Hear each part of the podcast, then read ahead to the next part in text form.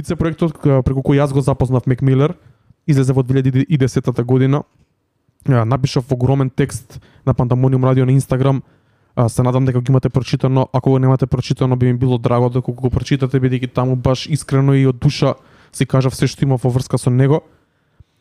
Еден од најдрагите проекти во животот поради фактот што бидејќи се појави во време кога бев многу млад, многу слушав музика, а конкретно овој проект го осетив целосно. Значи Мек Милер ме, ме купи целосно со целиот проект од прва до последна песна.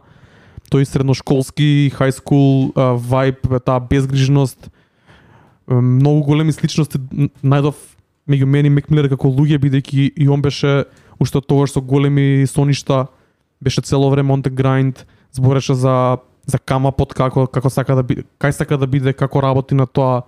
Така да овој проект ми е до ден денес ми е најслушаниот проект од, од Мек Милер и најмилениот мора да кажам.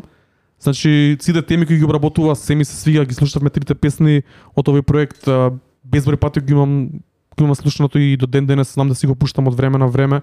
Мислам дека баш ради овој проект многу луѓе од мојата генерација година две плюс минус се закачија на Мек Милер бидејќи едноставно музиката допираше многу искрено до сите нас.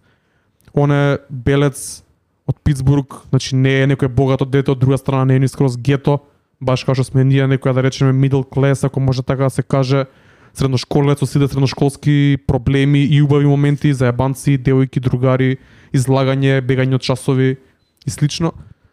Така да, тоа е тоа што имам да кажам, прочитате повеќе на мојот текст на Pandemonium радио. Ова за мене е омилениот проект од Мек Милер. Трајче? Ја морам само да се слагам во потполност тоа што го кажа. Исто и ја, брат. Ја мене првите сеќавања ми се као ја слушав Cool Aid Frozen Pizza буквално низ ходник у средно школо и тоа беше тоа. Тој беше вајбот. Така се сите понашавме, бегавме од школо. Уживавме едноставно музиката и музиката зборуваше за нас. Мислам дека тоа беше главната причина бидејќи ние сме негови peers, значи тука сме две години, јас сум разлика со Мек Милер, тој сега сега полни 28, јас сум 26 и мислам дека цело време и во целост музиката зборуваше за него и, и што треба и не знам тоа на некој начин и во моменти ми било и лекција. Како за Kids, така и за сите албуми бидејќи како тој растеше, растевме и ние со него. Многу добра искрена порака ни пиша Дарја Трајковски биг ап до него. И јас и ти многу слично се сеќаме во врска со Мек Милер, така да го објавивме тој на стори, биг ап Дарја ако не слушаш. Бодан, ќе ни кажеш нешто за овој албум како го сеќаш, односно овој микстейп официјално? Um, ја бев малце млад за да го слушам кога излезе. Го слушам малце малце покасно откако Јорс Трули, Айрис Креч ме запозна со Мек Милер малку покасно со Blue Slide Park, но кога навлегов на на Kids исто така ја осетив таа без, безгрижност и, и тој средношколски вајб што на сите ни беше потребен на некој начин да најдеш некоја да сродна душа што може да ги зборува работите што ти поминуваат, низ низ сум, бркање женски журки, безгрижност, проблеми со школа, бегање од часови кој што кажа Трајче, тоа и тоа се се осеќа и мислам дека и тоа е главниот квалитет на Kids, поради тоа што покас, многу покасно Мек Милер еволуира како артист и музички квалитетот се зголемува, но овдека освен ако не си не си бил во тоа време да искуши да искусиш тоа што он го искусувал, нема да го доловиш, нема да го осетиш албумот на ист начин, односно микстейпот. Домилев? А, изгледа само ја немам бегано часови на Kids. Не, ја не сум бил многу од часови, али многу други Тоа е една, тоа е тоа е една од мемориите мои, така. а, не е единствената.